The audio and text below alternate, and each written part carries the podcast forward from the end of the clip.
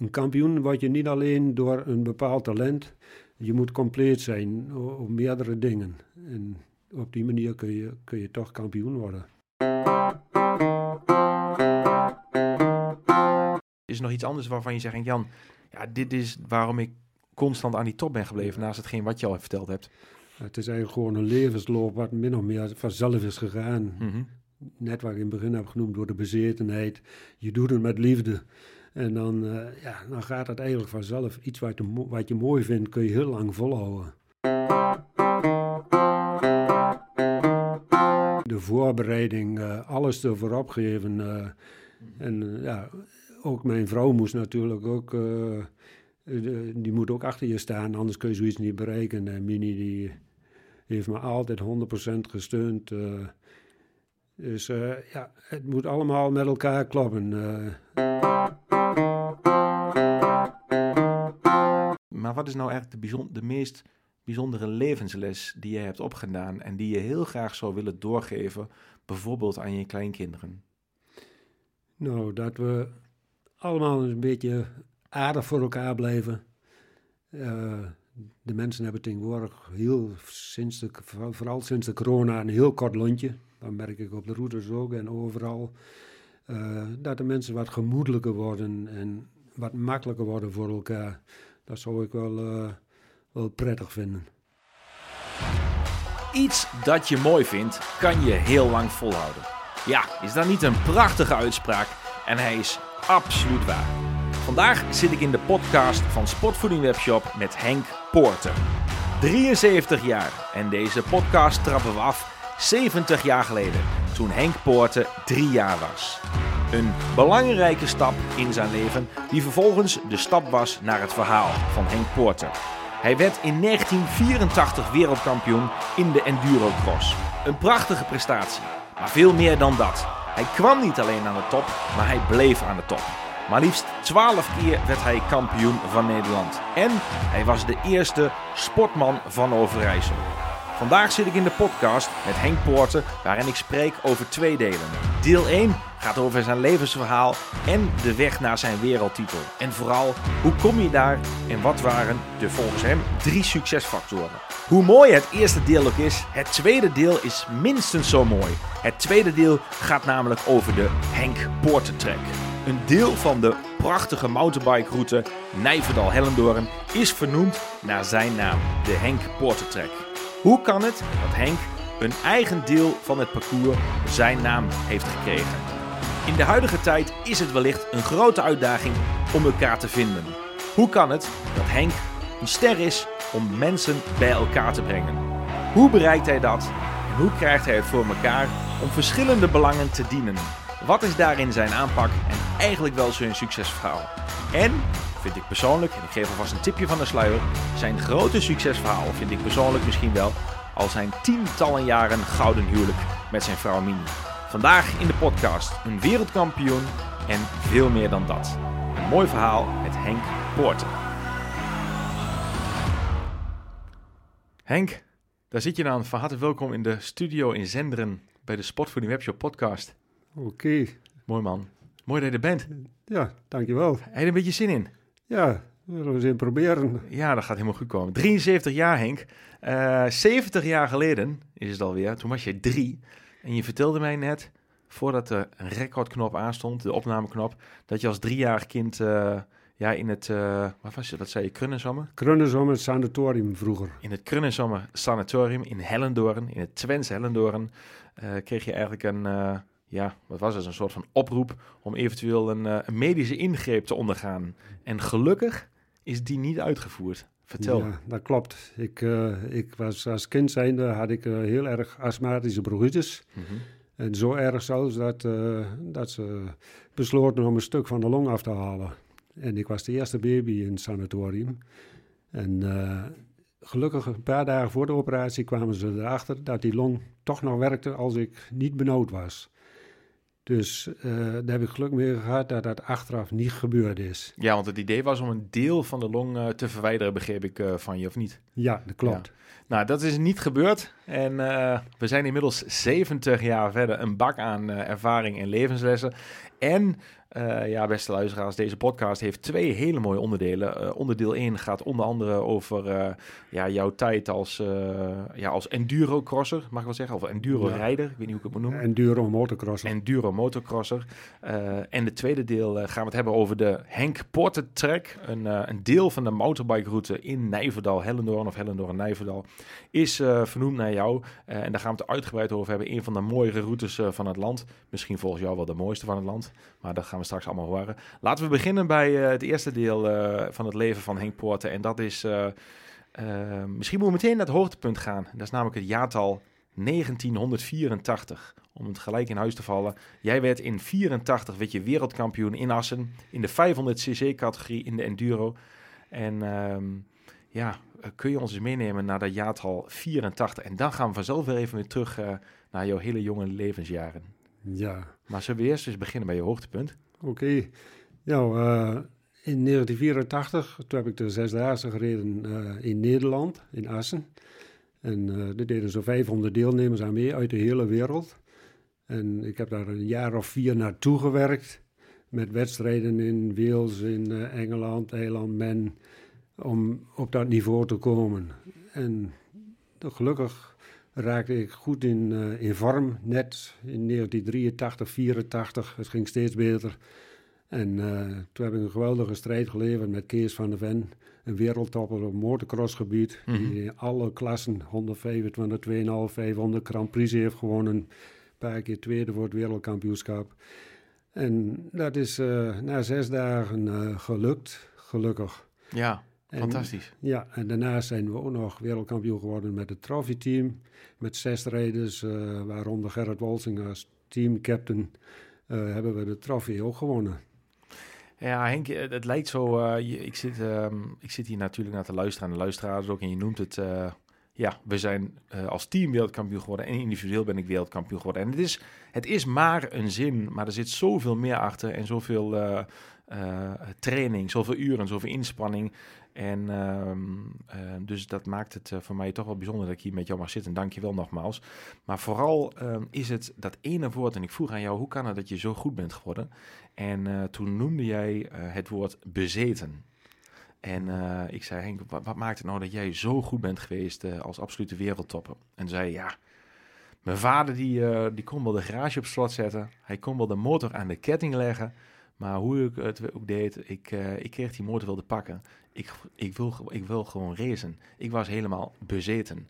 Kun je ons eens meenemen, uh, Henk, als, uh, als, ja, als heel klein jongetje?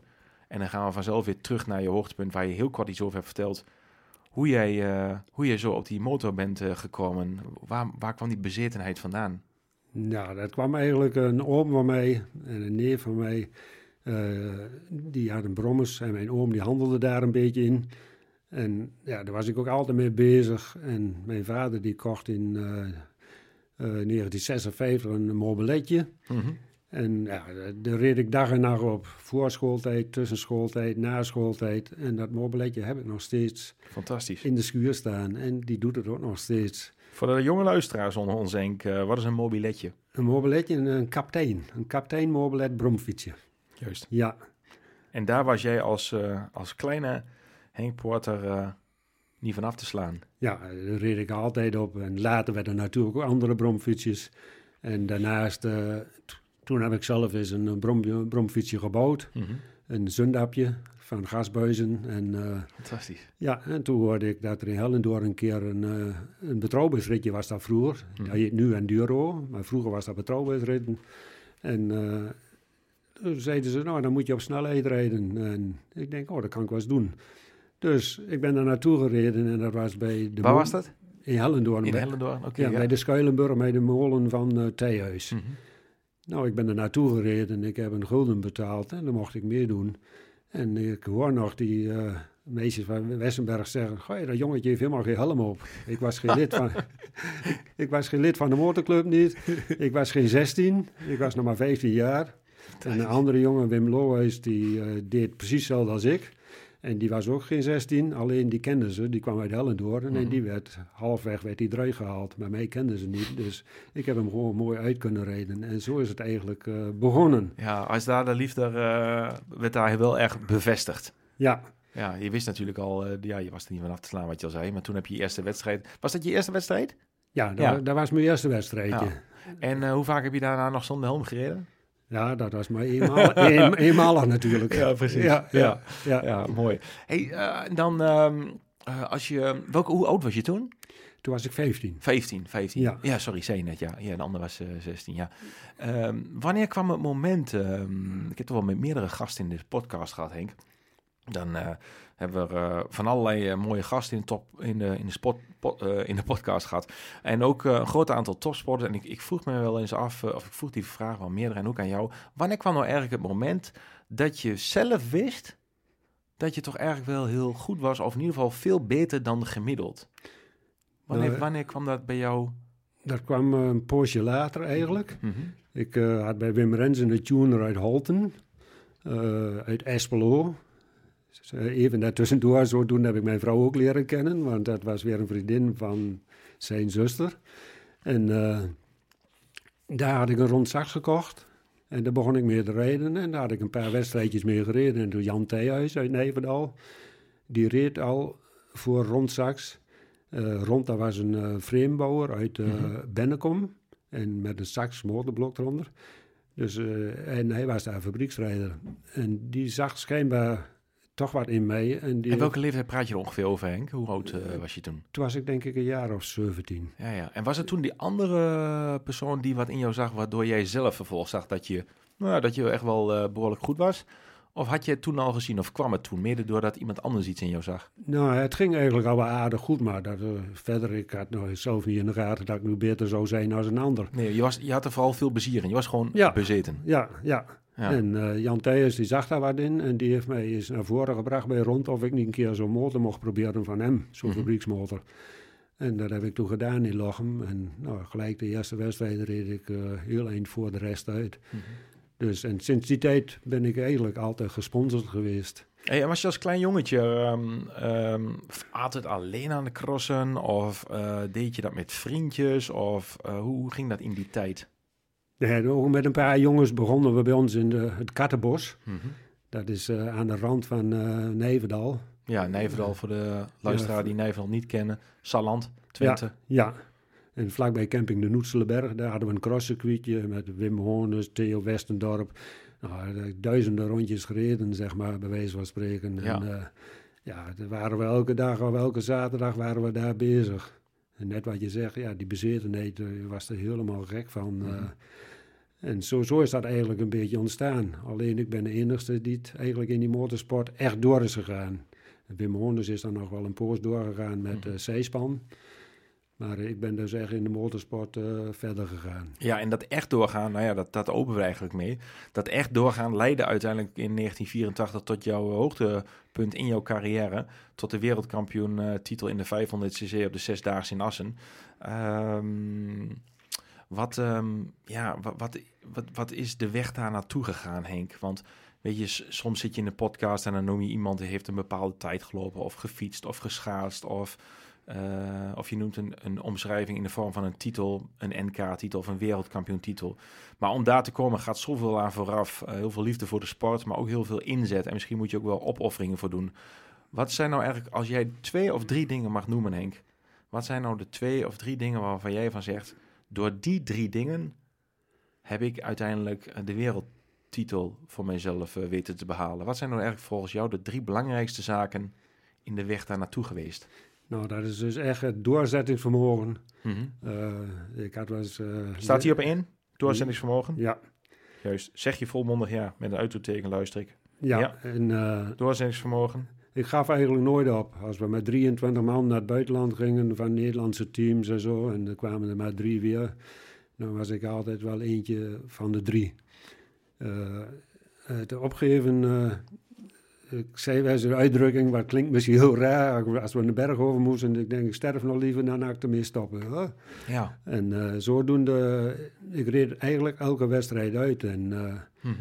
en daarnaast, ja, achteraf, eh, En twee, naast doorzettingsvermogen. ja, toch eh, schijnbaar achteraf, en dat besef ik nu eigenlijk de laatste jaren pas, eh, Mhm. toch wel eh, een behoorlijk talent schijnbaar. Ja, dus doorzettingsvermogen in combinatie met talent. En als je dan nog een derde mag noemen, eh, wat zou nog een andere factor zijn waardoor jij het geschopt hebt tot de wereldtitel naast je doorzettingsvermogen en je talent? Nou, het, uh, de voorbereiding, uh, alles ervoor opgeven. Uh, mm -hmm. En ja, ook mijn vrouw moest natuurlijk ook, die moet ook achter je staan, anders kun je zoiets niet bereiken. En Mini die heeft me altijd 100% gesteund. dus ja, het moet allemaal met elkaar kloppen. Een kampioen word je niet alleen door een bepaald talent je moet compleet zijn op meerdere dingen. En op die manier kun je, kun je toch kampioen worden. En zijn dat volgens jou de drie succesfactoren voor een kampioen zijn? Doorzettingsvermogen, talent en de voorbereiding, er voor alles voor opgeven? Ja, ik denk het wel. Ja. ja. Mooi. Wat is het... Uh, je zei al dat je vrouw uh, een van de drie onderdelen, hè? dus uh, voorbereiding, alles voor opgeven. Je vrouw Mini. Wat, um, wat is het belangrijkste wat heeft zij heeft gedaan in in jouw um, sportieve carrière? Nou, ze heeft me altijd gesteund. Uh, nou, zij heeft natuurlijk met de kinderen, ja, vooral met Martijn, ons eerste kind, heeft zij echt de zorg voor gehad. Want ik was dag en nacht met de sport bezig. Het s'avonds sleutelen, zaterdags de enduro, zondags de motocross. En ja, zij heeft daar alles voor gedaan en mij altijd achter me gestaan zonder te morren, zeg maar. Nou, mm. elke week uh, het was goed en noem maar op.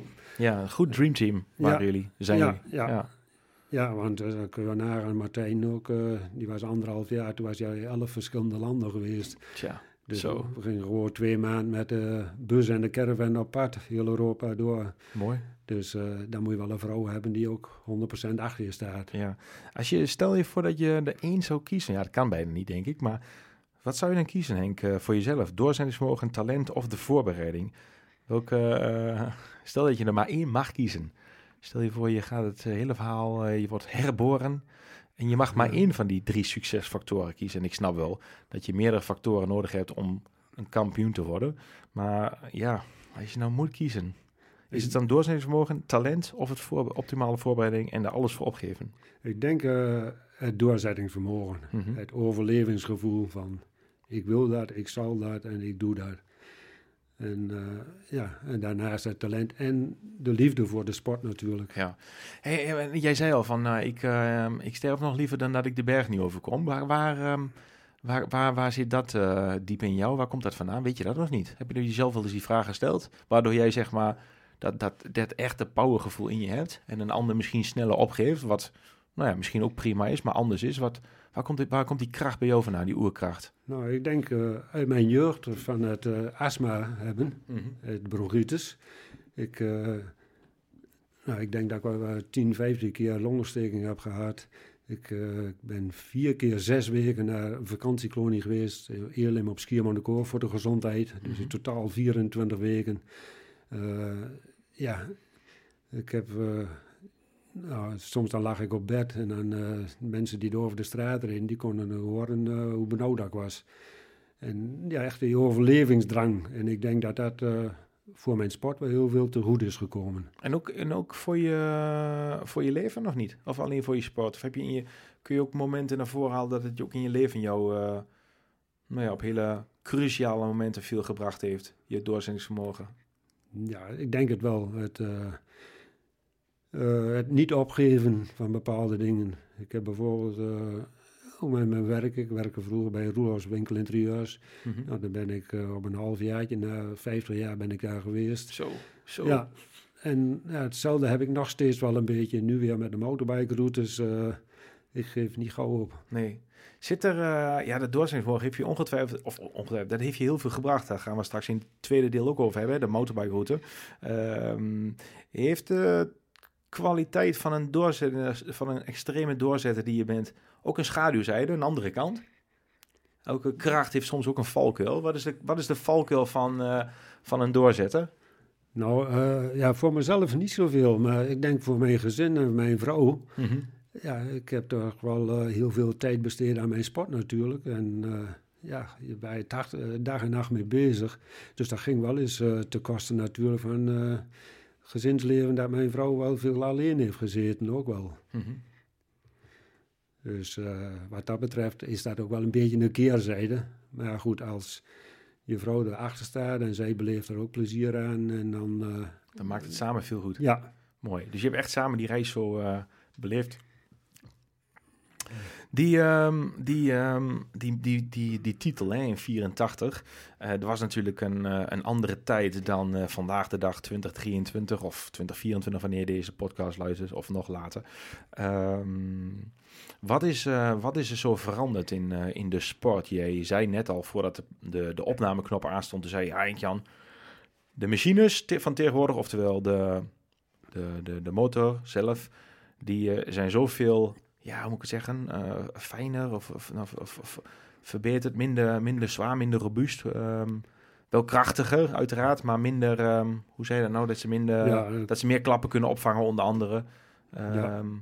wat, is, is, dat, is, dat, is dat iets wat de sport heel veranderd heeft? Of? Ja, de sport is totaal veranderd eigenlijk. Eh, kijk, in onze tijd, ja, dan, eh, de jongeren die zullen denken, ja, die ouderen die praten weer zo. eh.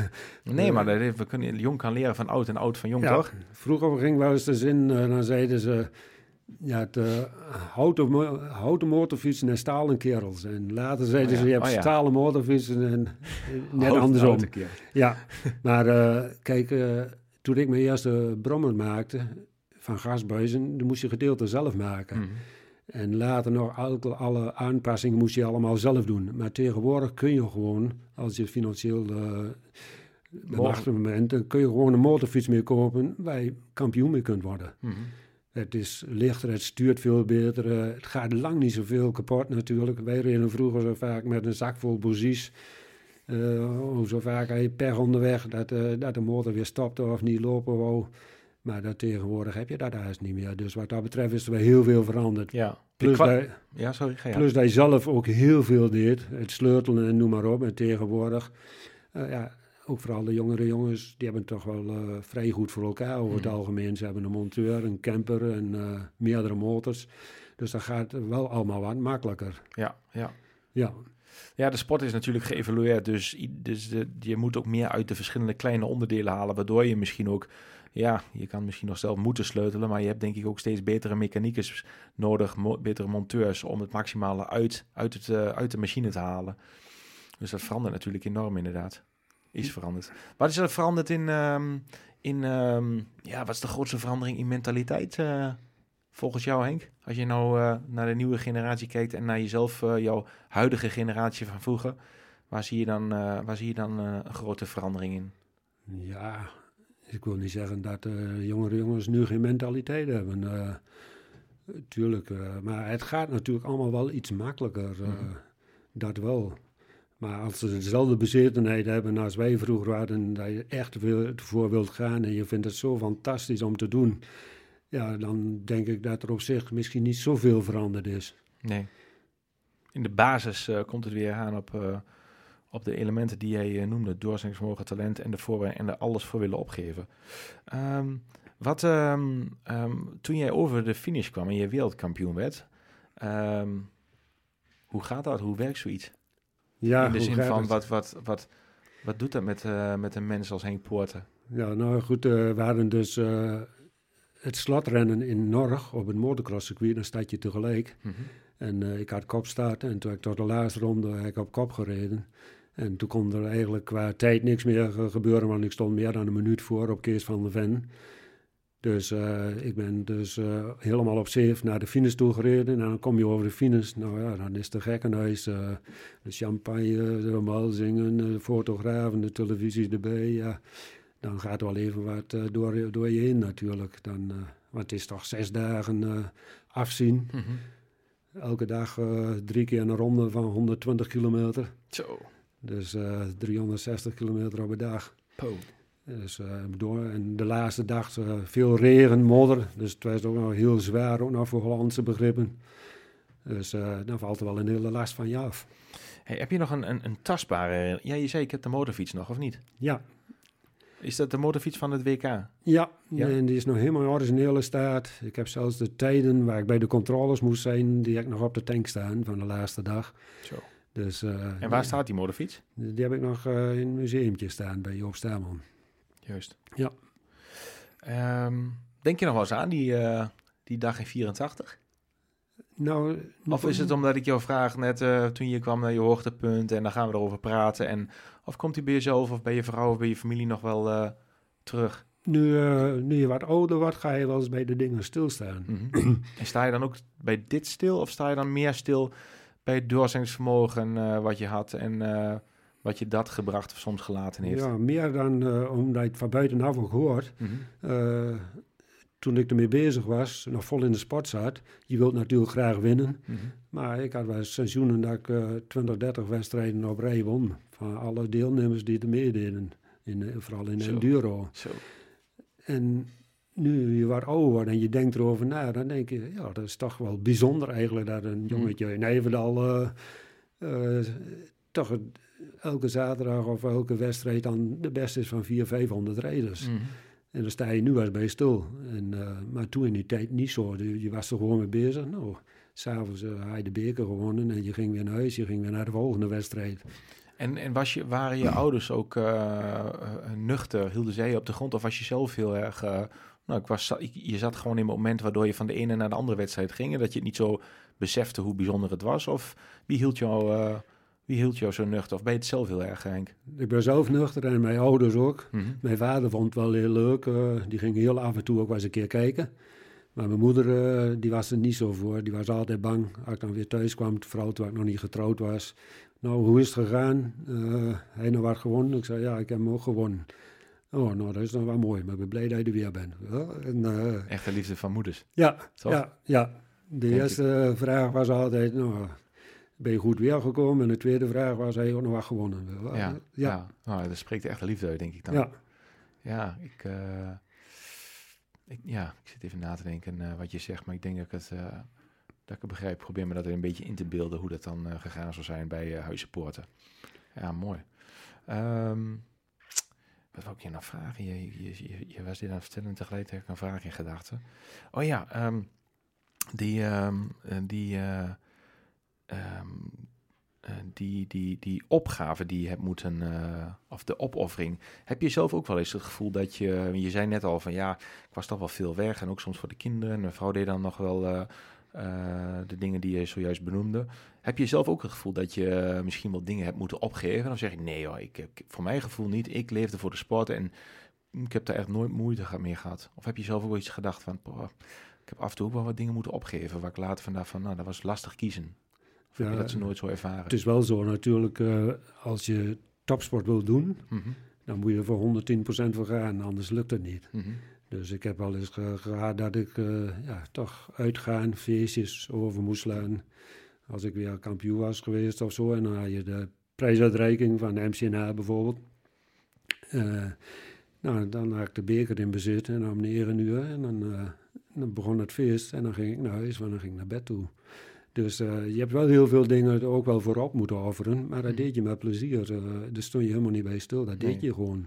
Hey, en wie in die hele fase, wie eh, eigenlijk tot 84, wie is nou de belangrijkste persoon in jouw leven geweest die jou meest, ehm, ja, die het meest bijgedragen heeft aan jouw, eh, ja, aan jouw prestaties? Wie heeft jou, eh, wie, zeg je, nou, dat is die persoon geweest? Ja, nou, eh, Mini natuurlijk. eh, Mhm. Ja, zonder haar eh, was het niet gelukt. En dat gaat Mooi. gelukkig nog altijd goed. We zijn december 51 jaar getrouwd, dus dat is altijd nog heel goed. Mooi. En daarnaast ja, bepaalde sponsors, begeleiders, monteur, Ton Hegeman en Messiers, begeleider, bijrijder.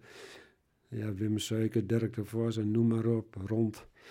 Ja, eh, mensen die je gesponsord hebben, Eurol, Johan Pievers. eh, eh, ja, alle met alle, zulke mensen heb je natuurlijk heel veel aan te danken. Mhm. Maar goed, eh, dat zeg ik, daar blijf ik bij. Als, eh, als je een vrouw hebt die daar niet achter staat, dan, dan lukt het gewoon niet. Nee. Ja, mooie les. Zoek een, eh, een goede teammate. eh, eh, een goed dreamteam. Dat hoor ik wel vaker terug hier in de podcast van mensen die ik mag interviewen. Inderdaad, eh, dat je wel echt eh, een goed team om je heen moet hebben. Want anders is het gewoon niet te lukken. En het lijkt zo simpel. Ook als je naar deze podcast luistert, hè, beste mensen, van goh, welke prestatie wil jij leveren? En het hoeft niet altijd een sportprestatie te zijn. Maar het kan ook iets zijn waar je in het persoonlijke leven naar uitkijkt. Waar je van denkt van, god, dit is mijn ambitie, dit is mijn droom, dit zou ik graag nog willen re- realiseren. Ja, de vraag die je zelf dan kan stellen van uh, beschik ik over het juiste doorzendingsvermogen, twee het talent, maar vooral nummer drie, uh, hoe, hoe ja, de voorbereiding alles voorop wil geven en de winnende, om, winnende team om me heen creëren. En dus welke mensen kun je om je heen creëren om een, uh, om een winnend team te creëren. Erg belangrijk om daar te komen waar je graag wil zijn. Voor wat het ook, welke richting je ook op wil gaan. Een mooie vraag die je zelf misschien nu kan stellen en ja, even deze podcast op pauze moet zetten en denk van hey, wie is dat voor mij? Wie kan ik in mijn uh, winnende team krijgen om dichterbij van A naar B te komen? Mooi. Uh, Henk, uh, wil je nog iets toevoegen aan die, uh, die hele bijzondere carrière? Want je hebt echt nou, veel meer te vertellen, maar ik, omdat je het zo twee mooie onderdelen hebt, dus wel jouw, ja, jouw, jouw tijd als, als coureur, maar ook de tweede deel, wat ik ook heel interessant vind, naamsvermelding van jouw naam aan de, aan de route in Nijverdal-Hellendoorn. Wil je nog iets toevoegen aan dat eerste deel? Of zeg je van, nee, ik heb zeg je van, ik wil dit ja, al even kwijt? Nou, een klein ding misschien uh, om kampioen te worden. Ja. Dat is niet zo moeilijk, maar om er te blijven. Mm -hmm. En nog vaker te worden. Ik ben inmiddels dan toch ook twaalf keer Nederlands kampioen geweest. En dan twee, twee keer wereldkampioen met het team erbij. En daarnaast heb ik uh, de hoogste motorsportonderscheiding, de Hans de Bevoorbeker van de KNV. En dat is een onderscheiding op motorsportgebied over alle sporten. Uh, de wegrace. Dus die heb ik ook ontvangen. En, en waar staat die trophies? Misschien een on, is oninteressante vraag, maar dat vind ik daarvan persoonlijk wel. vind ik altijd interessant van waar de een die, die doet er ja. niks mee, en de ander geeft een heel prominente plek. Maar waar, waar staat hij? Hij staat op zolder bij die andere 350 bekers oh, in, ja. in, de dozen. En, dus, waar sta, en waar staat de herinnering? Want je noemt hem nu, hè? Want ik vroeg je dan, moet je nog iets, of wil je nog iets toevoegen, noem je dit. Maar waar staat de herinnering? Zit die echt in je voorhoofd? Ja, in mijn, ja echt in mijn voorhoofd. Mooi man. En daarnaast wil ik gewoon even zeggen, ik ben dan ook nog erelid van uh, MCNA. Mm -hmm. En daarnaast, uh, ik was ook de... Even voor de, voor de luisteraar die MCNA niet kent, niet iedereen kent. Motorclub Nederland Hellendoorn. Mm -hmm. En ik was ook de eerste sportman van Overijssel. Uh, toen ze daarmee begonnen, toen ging er nog via meldingen op de radio. Zo. En in 1984, 85 zou ik weer sportman uh, van Overijssel worden.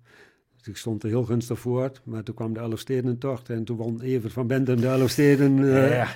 En toen werd Evert natuurlijk uh, ja, sportman van Overijssel. Ja, dat is dus, natuurlijk uh, de, sport, de sport in Nederland. Als die ja. één keer komt, dan...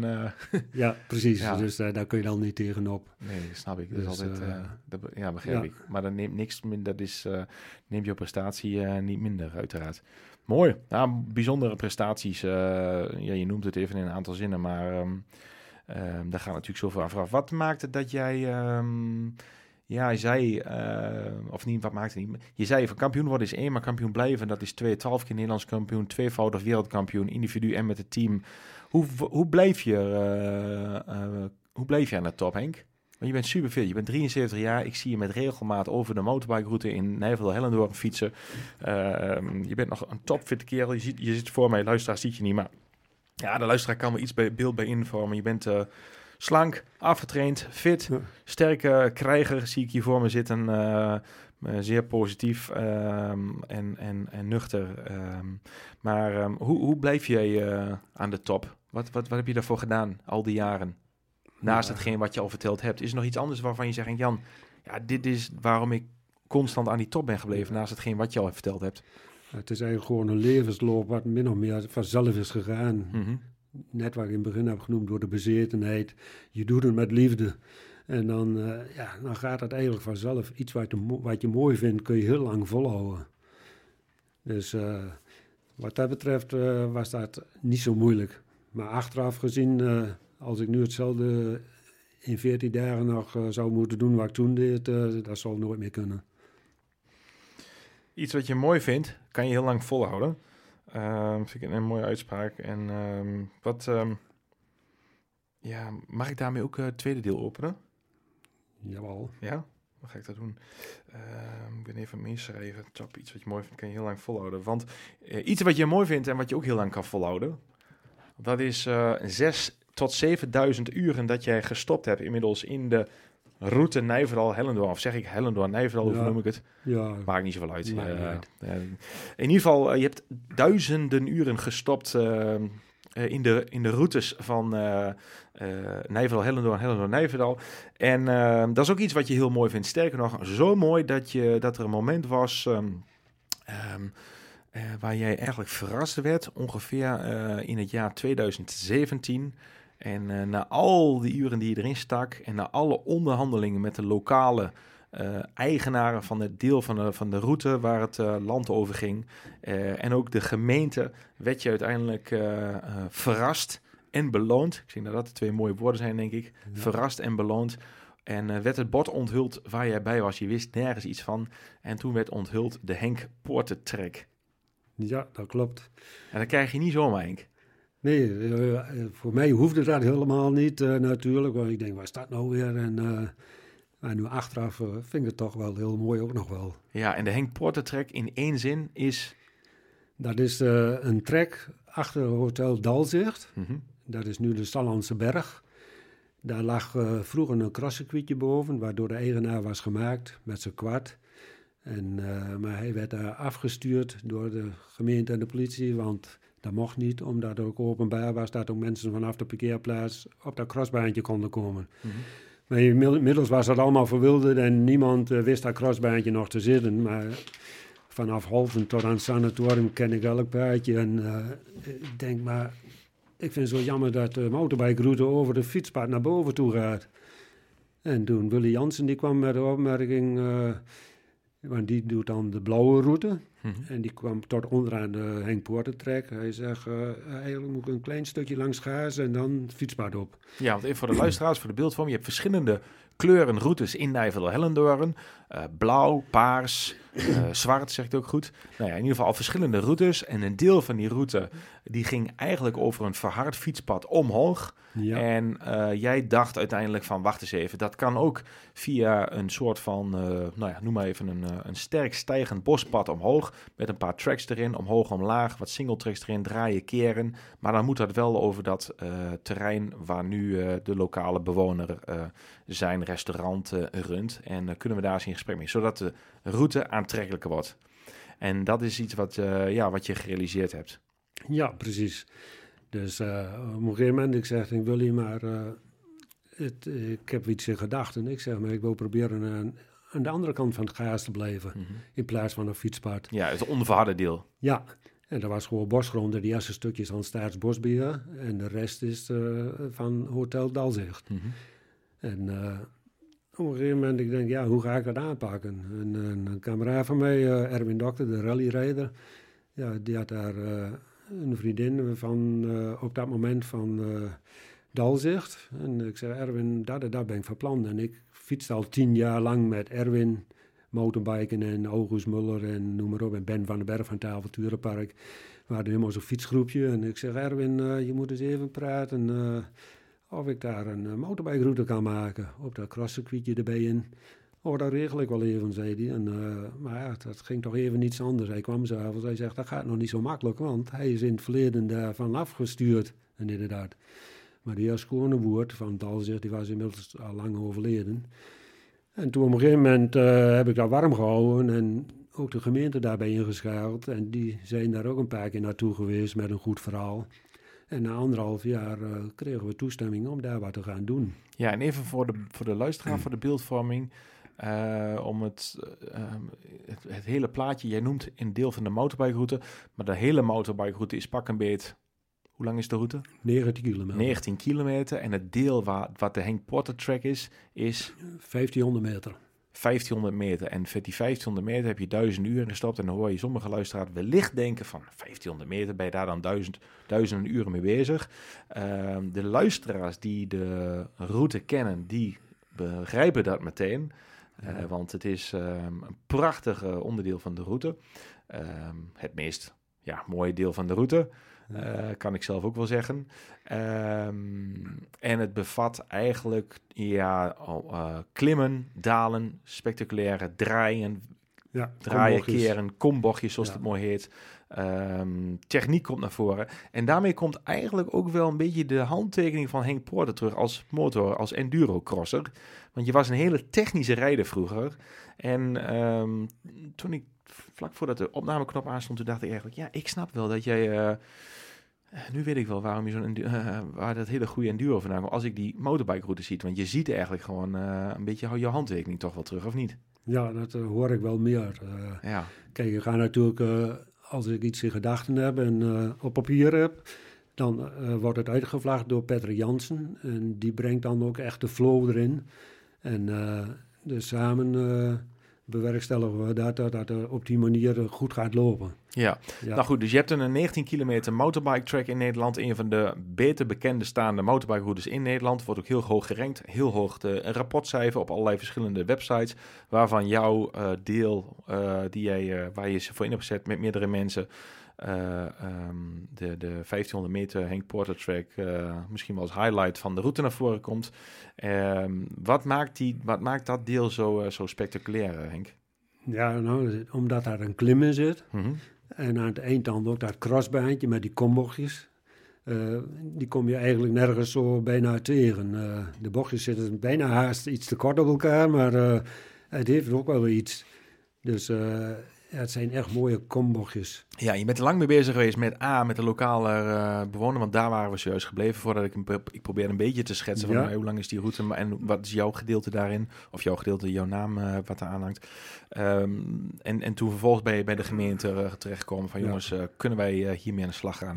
Maar die duizenden uren eh, waar we het net over noemden, Mhm. dat is wel over de hele route, die 19 kilometer. Ja. Niet ja. alleen over de Henkpoortentrek. Nee, heb ik eh, misschien dan een kleine correctie. Dat we, ik legde dat misschien niet helemaal goed uit, inderdaad. Ehm, je zet je in voor de hele route.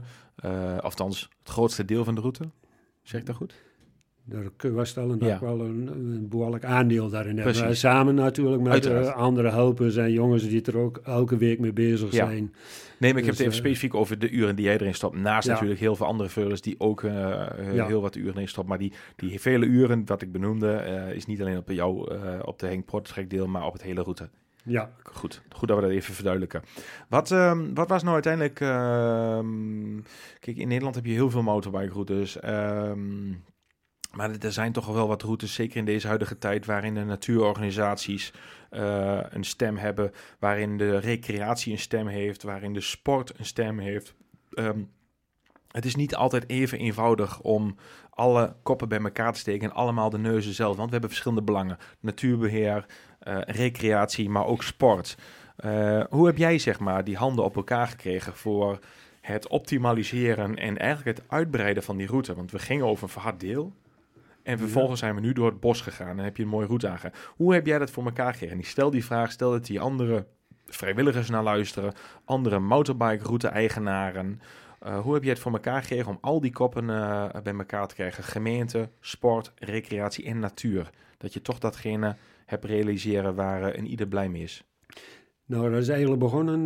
de huidige voorzitter van CC75, Edwin Velding. De wielenclub uit Nijverdal. Ja, de wielerclub. En eh, die benaderde mij. Hij zegt, Henk, eh, jij kent elk paadje van Holten tot achter Hellendoorn eh, in het bos. Hij zegt, natuurmonumenten, eh, staatsbosbeheer, de gemeentes... ze willen de bestaande oude routes aanpassen, vernieuwen, interessanter maken. Dat ook de, de rijders, zeg maar, gereguleerd op, eh, op de routes blijven rijden. Dat het interessant blijft en wordt dat, eh, dat de recreatie ook eh, gangbaar wordt. Mhm. En hij zegt, zou jij daar je eens in willen verdiepen of eens wat op papier willen zetten? Ik zei, nou ja, ik zeg, als het om één of twee paadjes gaat of een paar kilometer, ik zeg, dan doe ik niet mee. Ik zeg, want ik ga niet mijn vrijheid opgeven voor één of twee kilometer. Want eh, ja, vroeger we reden de hele berg eh, overal door. eh, ja, dat was normaal, dat deed iedereen. En Staatboord weer niemand. ja, je wist gewoon niet beter. Dat, Dat is gewoon vrijheid. ja, dat was gewoon vrijheid. Maar ze wilden graag regulier maken. En ik zeg, nou ja, ik wil wel eens wat op papier zetten. Dus toen heb ik een hele route op papier gezet. En dat is allemaal voorgelegd. En uiteindelijk, eh, in grote delen is daar zeg maar eh 20% van terechtgekomen. En na die tijd, toen werd het eh, helemaal eh, opgewaardeerd. En toen mochten we ook nieuwe routes maken. Mhm. De oude routes zijn maar hersteld. De zwarte route Hellendoorn is helemaal hersteld. De modder, modderstukken zijn eruit gehaald. Maar we mochten ook nieuwe singletracks maken. Route Network Twente kwam daarbij in. En eh, Uh, die financierde dat ook, want als je een route maakt, ja goed, dat, uh, er moet een kraantje bij komen en noem maar op. En zodoende mm. hebben we toch wat uh, hele mooie stukken kunnen maken. En ja, inderdaad, ik had nog wel wat connecties links en rechts en wat bekenden. En op die manier had ik wel een hele hoop dingen in gedachten van, nou daar zou je wat moois kunnen maken, daar mooi. En, nou, maar dan moet je wel, de eigenaar moet je wel mee hebben natuurlijk. En als je dat dan voorlegt en je komt met een goed verhaal, dan uh, nou, in heel veel... En wat, uh, ja, sorry. Ja, ga je hangen nog wel heel veel? In heel veel gevallen is dat, uh, is dat gelukt. En waarom kreeg je de hand op elkaar? Je zei een goed verhaal. Wat is een goed verhaal? Hoe heb je de hand op elkaar gekregen?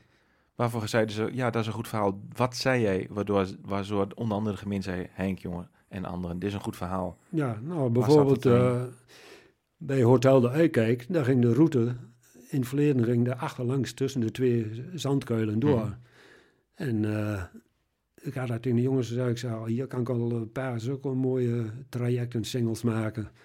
En, uh, maar ja, ik was zo druk nog met andere dingen. En uh, op een gegeven moment gingen veel tijden zitten. Maar toen laatst Kijfterbelt van de Hotel de de nieuwe eigenaar, die werd wel enthousiast. Want die vorige eigenaar, die wou met motorbikers en wielrenners niks te maken hebben. Mm maar Lars Kijfbeeld en uh, ja, die, monteerden bordjes aan onze routepalen. En met een koffiebekertje uh, erop en uh, met een verwijzing naar het hotel toe.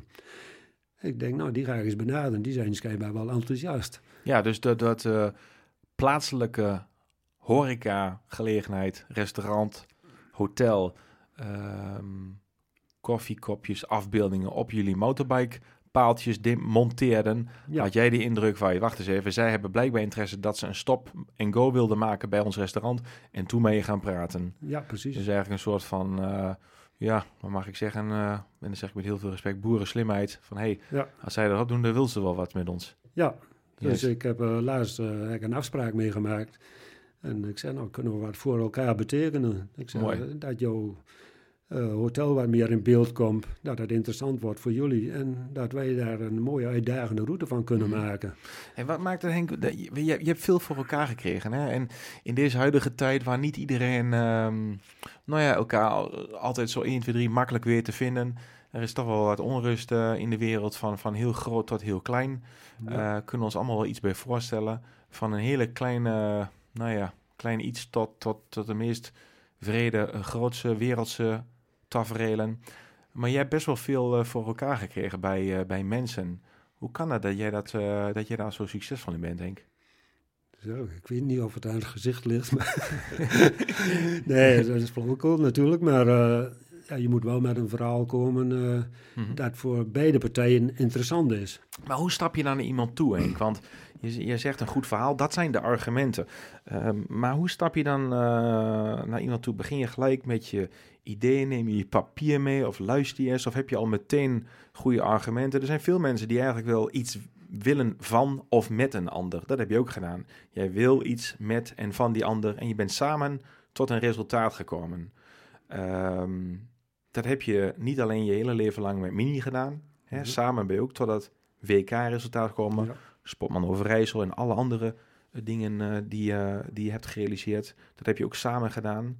Vervolgens is de rode draad volgens mij dat je dat ook binnen de motorbikewereld en de gemeente voor elkaar hebt gekregen. Maar wat, wat, wat kan ik of wat kan de luisteraar van jou leren, Henk? Hoe, hoe, hoe kom jij tot, tot de ander? Ja, hoe moet ik dat zeggen? Je moet natuurlijk, nou, wat ik zeg, wel maar een goed verhaal komen. En een overtuigend verhaal. Mhm. Maar ook de zin ervan inzien dat iedereen daar ook een beetje bij gebaat is. En ook iedereen daarmee leven kan. En ook, uh, ja, je moet natuurlijk ook rekening houden met de rest van de recreatie. Met wandelaars, natuur, uh, mensen. Uh, je moet ook iedereen alles niet afhalen natuurlijk. Je hebt de jacht, noem maar op. En dan moet je wel naar voren kunnen brengen dat je met elkaar iets moois kunt bereiken waar iedereen wat aan heeft.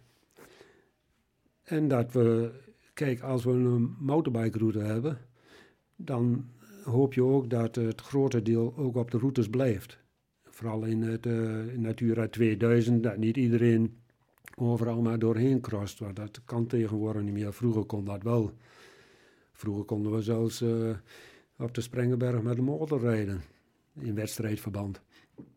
Dus eh, ja, toen was het heel anders. Dus eigenlijk zie je gewoon, eh, als ik je goed beluister, zie jij... ehm, ehm, probeer je ook heel goed te kijken van wat is nou eigenlijk het belang van de ander. Zeg ik dat goed? Ja, precies. Want eh, ik heb nog veel meer in gedachten. eh, ik zou de route nog wel veel interessanter kunnen maken. Mhm. Maar je hebt ook eh, wandelaars die ook van het bos genieten. Ruiters. Mhm. En noem maar op. Ja, ik heb ook wel discussies gehad met ruiters. En dan zeggen ze, ja, maar jullie gaan over al die paadjes dit en dat. En ik zeg, ja, maar jullie hebben ook wel veel paadjes. Maar ja, die groeien helemaal dicht. Maar als je dan met het verhaal komt van, nou ja, dan moet je dat een beetje wegsnoeien. Mhm. En dat jullie ook weer een vrijbaan hebben. Maar dan zeggen ze, ja, wij hebben geen vrijwilligers. Ik zei, ja, maar dat is dan nog geen argument om over onze singletracks te gaan... die wij speciaal daarvoor aanleggen. Waar je vervolgens, jij en vele andere vrijwilligers, heel veel tijd en energie in stoppen. Ja, Dus dan, maak, dan begrijp ik dat je zegt, ja, maar dat komt niet aanwaaien. Dat doen we ook wat voor. ja. En die zo'n beetje ook. Precies, en eh, ja, dan kom je met het argument van, nou, we proberen dan een beetje de Mhm. wandelaars, de motorbikeroutes en eh, de ruiters een beetje te scheiden, dat je geen last van elkaar hebt. Mhm. Maar ja, dan krijg je soms als antwoord van, ja, daar ben ik niet voor, want je verliest alle sociale contacten. Eh, ja, het is soms heel moeilijk. Om, om alle belangen te dienen. Ja, Ja, ja. ja. En ik kan me best voorstellen, ja, als eh, je geen motorbiker bent of daar niet voor voelt, dat je aan sommige dingen ergert. eh, ja. Er zitten natuurlijk ook al wat mensen bij die het ergernis opwekken. Hm. Maar ja, dat heb je ook met wandelaars, Mhm. ook met mensen met honden en noem maar op. eh, ja. Wat En- doe je ervoor, Henk, om zoveel mogelijk eh, de lange termijn eh, gedachten... ehm, ja, wat doe je uiteindelijk om, om, om iets wat goed is? Je zei al eerder in jouw race carrière, eerste deel van de podcast, komt gewoon terug in het tweede deel. Toen zei je kampioen worden is één, maar blijven is twee. En weet je, twaalf keer Nederlands kampioen is gewoon een lange tijd bij je sta je aan de top, bij je een lange tijd ben je succesvol. En in de motorbike, eh, tweede deel, komt dat in mijn optiek, komt die rode draad heel erg terug. Heb je keihard ingezet in die route. 2017 eh, stond jouw bordje daar. Ehm, maar ja, dat is maar 2017. We leven inmiddels in 23 of 24 wanneer je deze podcast Ja. luistert. Dat is hetzelfde. Hè? Je hebt iets moois gezet en je bent nog steeds met elkaar succesvol. Dus die rode draad heb je volgens mij helemaal doorgetrokken. Dus zie je heel vaak eh, het, het, A, het lange termijn en ook de, de verschillende belangen van verschillende mensen behartigen. ja, kijk, eh, het komt ook weer naar voren dat je het zelf ook leuk vindt. Ja. Als je iets voor elkaar krijgt met eigenaren en zo, dat geeft wel voldoening natuurlijk. Mhm. Dan denk je, god, dat is toch mooi gelukt eh, dat Ja. iedereen daarin meegaat. En er zijn zoveel mensen, er zijn gemiddeld eh, zo, zo ongeveer zo'n dikke duizend mensen per week die Zo. over die routes komen hier. Zo. En nou, qua... Ben jij er een van, hè? Ja, Toch? Want je, hoe vaak fiets je de route, Henk? nou, ik rijd zeg maar 7.500 kilometer in het jaar. Zo. Nou, dat, is, eh, dat Dus, zijn eh, serieuze afstanden op de MTB. Ja. Po, Ja, mooi. maar doe Hey. met plezier dus. Ja. Wie is, eh, misschien, misschien kun je ook geen naam noemen, maar dat hoeft ook niet wel, maar ik stel dat. Wie is nou eigenlijk ehm, de leukste of meest fascinerende of meest bijzondere, je mag er een uitkiezen, je mag ook een ander woord gebruiken. Kortom, welke persoon is nou over de Henk Portertrek gegaan waar jij van zegt, nou, dat vind ik toch wel echt heel gaaf.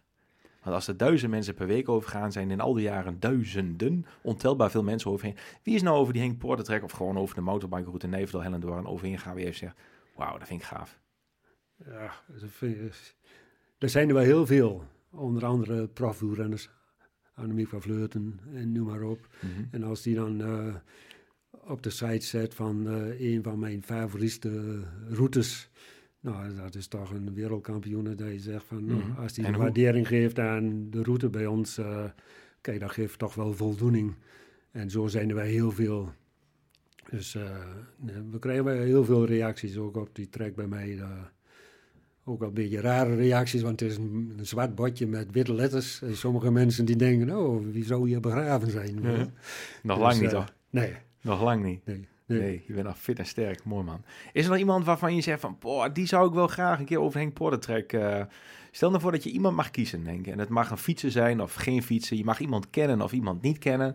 Met wie zou jij over die route een keer eh, willen fietsen?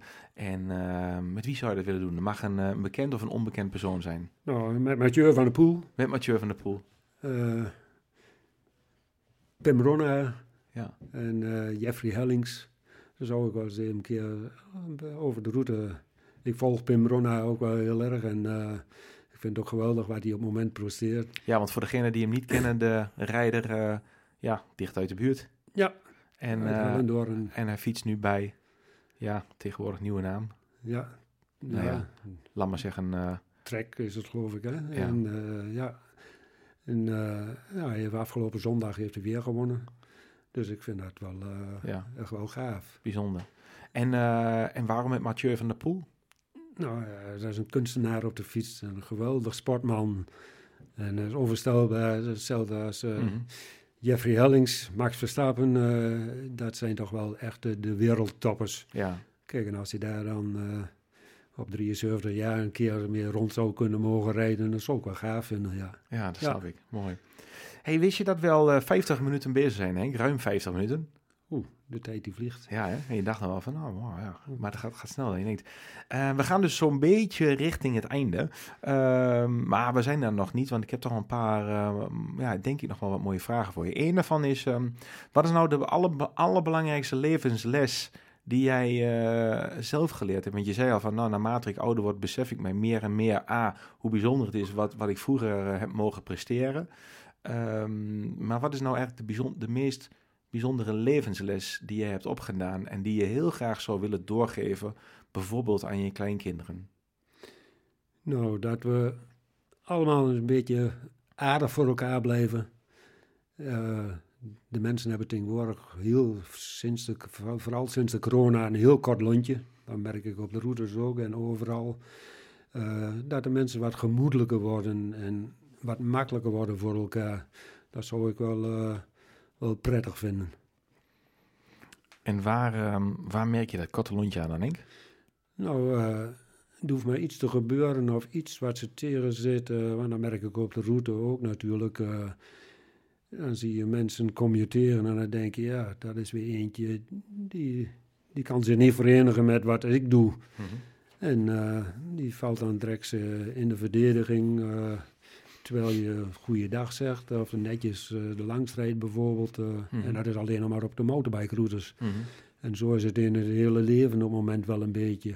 Nou, je ziet het eh, in de politiek. ze zijn elkaar nog steeds de vliegen aan het afvangen. In plaats dat ze Elkaar vinden. elkaar vinden, dan gaat het nog steeds weer om van dit en dat. En dat is er in het verleden gebeurd, dat is er gezegd. Mhm. Dan denk ik, kom jongens, vergeet de dingen eens een keer. En wees eens wat gemoedelijker met elkaar. Dat we alles met elkaar het leuk houden en alles weer op de rit krijgen. Mhm. Mooi. En ehm, hey, over, over leuk gesproken, wat is, ehm, wat is de allerleukste fase in jouw leven geweest? Elke fase heeft iets bijzonders. Als je een fase moet kiezen, dus het hoeft niet een moment te zijn, maar wat is nou de leukste fase in je leven geweest? Ja, nou, dat is natuurlijk de sport, maar eh, en de, de kinderen. En ik vind nu deze, op dit moment de fase heel leuk met de kleinkinderen. Ja, want je hebt twee kleinkinderen of Vier. vier? Ja, Juist. Martijn die heeft twee Martijn heeft twee kinderen. kinderen en je andere zoon. Ja, andere zoon die heeft er twee, die heeft twee jongens. Martijn heeft een, een zoon en een dochter. Hebben ook heel veel meer gemotorbike, maar die hebben nu andere hobby's. Die zijn 16 en eh 15, dus eh, die zijn wat drukker natuurlijk met de telefoontjes en met eh, vrienden en vriendinnen natuurlijk, dat is logisch. En eh, die van Robin die is 3,5 en eh anderhalf. En daar ga ik elke week wel even een keer mee de motorbike route en Henk Poorten trekt mee over, gewoon Gaaf. voor in het zitje, Gaaf. op de gewone fiets. Ja, Ja, gaaf. ja. Mooi.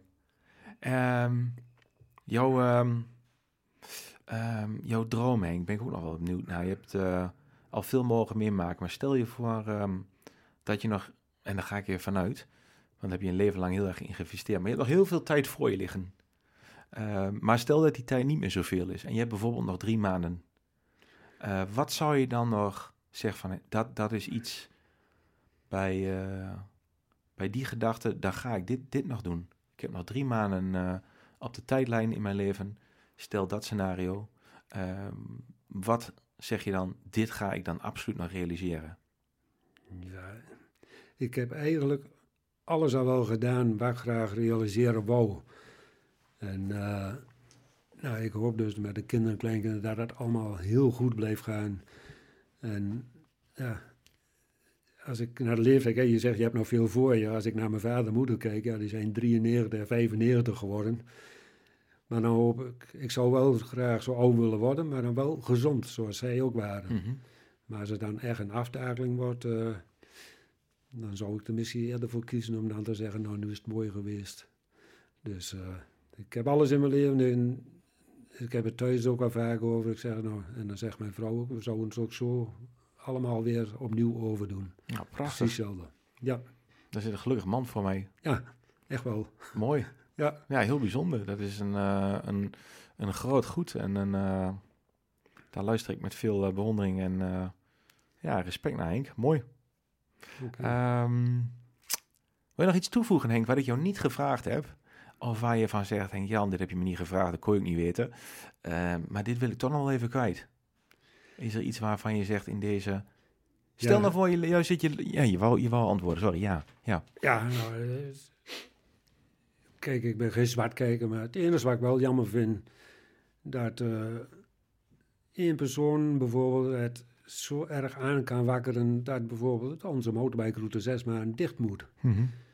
Dat je zoveel instanties kunt bereiken eh, die daarop inspringen en dan zeggen, nou, moet, eh, die route moet zes maanden dicht. En, Ja. en dat kan ik dan niet zo goed begrijpen. eh, nou ja, dat gaat dan over de hagedis natuurlijk. Mhm. Kijk, af en toe zal er een motorbiker een hagedisrood rijden. Maar het pad ernaast of de weg ernaast en de wandelaars, motorbikers, eh, ruiters, iedereen krijgt wel eens een keer een hagedisje onder de voeten. En dan denk ik, ja, waarom moet dan de motorbikeroute dicht zes maanden? Mhm. En daar bereik je weer mee dat iedereen weer wild gaat rijden. Wat veel, veel meer verstoring veroorzaken. En dat, dat vind ik wel heel jammer. Ja, dus eigenlijk is een oproep om ehm, toch weer tot elkaar te komen en te kijken eh, hoe we met elkaar die, eh, die mooie route zo lang en zo goed als mogelijk open kunnen houden met alle Ja.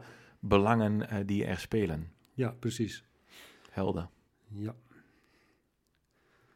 En toen was het even stil. ja. Ja, dus eh, dat is het enige waar ik aan denk van... ja mooi. Ja, maar verder ben ik heel tevreden met het leven wat ik heb. Mooi man, mooi, dankjewel. Ehm ik heb nog twee vragen, Henk. En ehm één is de, dus de ene laatste vraag. En die stel ik aan jou als... Als je nou eh, een gast mag uitnodigen en die komt... ehm, fictief, maar eh, misschien wordt het wel waarheid, misschien niet. Eh, wie zou ik dan volgens jou moeten uitnodigen en moet nou op de plek zitten... of nou de volgende keer op de plek zitten waar jij nu zit? En er mag een man of een vrouw zijn die je kent, persoonlijk, of helemaal niet kent. Het kan best zijn dat je zegt, nou, die ken ik helemaal niet, maar dat vind ik zo'n inspirerend persoon. En Jan gaat daar eens een verhaal mee aan. Het hoeft overigens niet iemand te zijn die een verhaal in de sport heeft. Het mag gewoon een willekeurig persoon zijn. Wie zeg jij, Henk Jan, die moet je uitnodigen, jongen? Mo- moeilijke vraag. Moet ik, ja, daar moet ik toch gewoon eens even een poosje over nadenken. Eh Nou, dat mag. kan ik zo op dit moment geen antwoord op geven. Nou, dat, eh, dat is helemaal geen probleem. Eh, heb je een voorbeeld ooit gehad in je leven? Iemand waar je tegenop keek? Of, of tegenop keek wil ik niet zeggen, maar iemand waar je van, dat vind ik een inspirerend persoon. Is iemand die je inspiratie geeft? Ja, ik had vroeger wel een fan of een voorbeeld in de motocross... waar ik speciaal voor naar de motocross ging. En dat, Ah, was, dat was Jo Lammers vroeger, de, Juist. H, de H11. En dan ging ik voor op de fiets eh, naar Markelo toe om daarna te gaan kijken. Dus eh, dat was wel echt een voorbeeld voor Helder. mij. Oké. Ja. ja. Nou ja, misschien zou een van de gasten eh, ook kunnen zijn, bijvoorbeeld de gasten die je noemde. Jeffrey Hellings, Mathieu van der Poel en eh, of Annemiek van... Nee, wat zijn er meer andere? Annemiek van Vleuten. Ja, Annemiek van Vleuten, maar je noemde volgens mij ook nog iemand anders. Pim Bronna, yes. yes. Ja, als je Pim hier zou kunnen krijgen, eh, ja. Leuk. Ehm, ga ik even noteren. Het bijzondere is dat Pim Ronna ook benoemd is door een andere gast. Dan moet ik even nadenken wie dat ook alweer zei. Ehm het is overigens niet zo lang geleden. Moet- ik even eh, parkeren, deze. deze. Kijk, want Pim heb ik, met zijn vader heb ik veel gefietst. En met zijn opa heb ik heel veel meer gefietst. Kijk aan, Ja, dus de lijntjes zijn kort. En dat was ook een verschrikkelijk karaktermens. Ja, dus het Ja. appel valt niet ver van de boom. Dat was een marinier vroeger en dat was een, eh, echt een karaktermens. Nou, En zijn vader ook. En Pim heeft het niet van een vreemde. nee, dat, dat, eh, ja, dat zal dan inderdaad. Mooi. hey, ik ga naar mijn laatste vraag, ehm, Henk. Komt ie aan. Eh, als jij in de wereld op de 200 meest drukke plekken rondloopt... en er hangt daar een groot billboard, reclamebord... en eh, op die 200 drukste plekken ter wereld komen dus elke dag miljoenen mensen langs...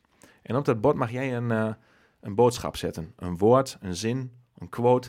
En dus eigenlijk is dat jouw boodschap naar de wereld.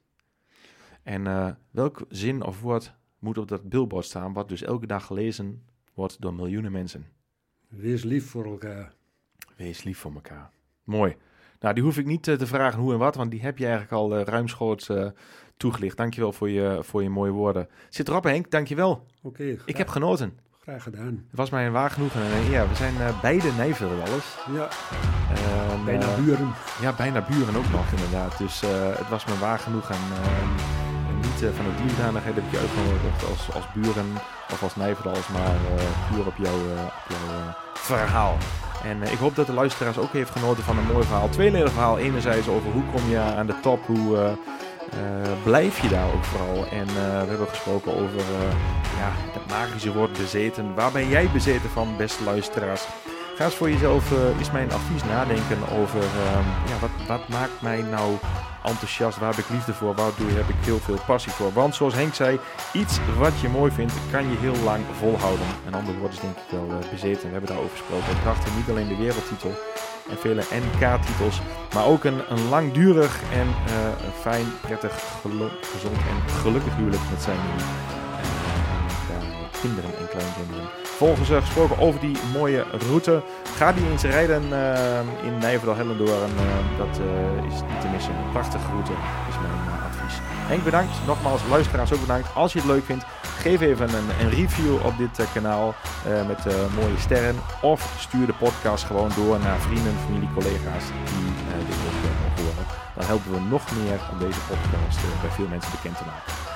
Ik wens jou een hele mooie dag. Geniet ervan en tot de volgende. Dankjewel namens Henk en natuurlijk ook het hele team. Hoi.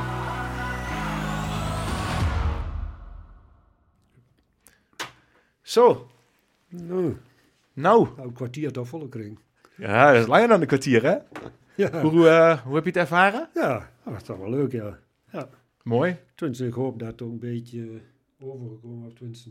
Ik denk het wel, toch? Ik weet het wel zeker. Dat was een mooi verhaal, dankjewel. Ik, uh, ik heb met, uh, met veel enthousiasme naar je mogen luisteren. Nou. Bedankt. Vooruit dan. Ik ga nog een mooie foto van je schieten. Kijk, moet daar nog in.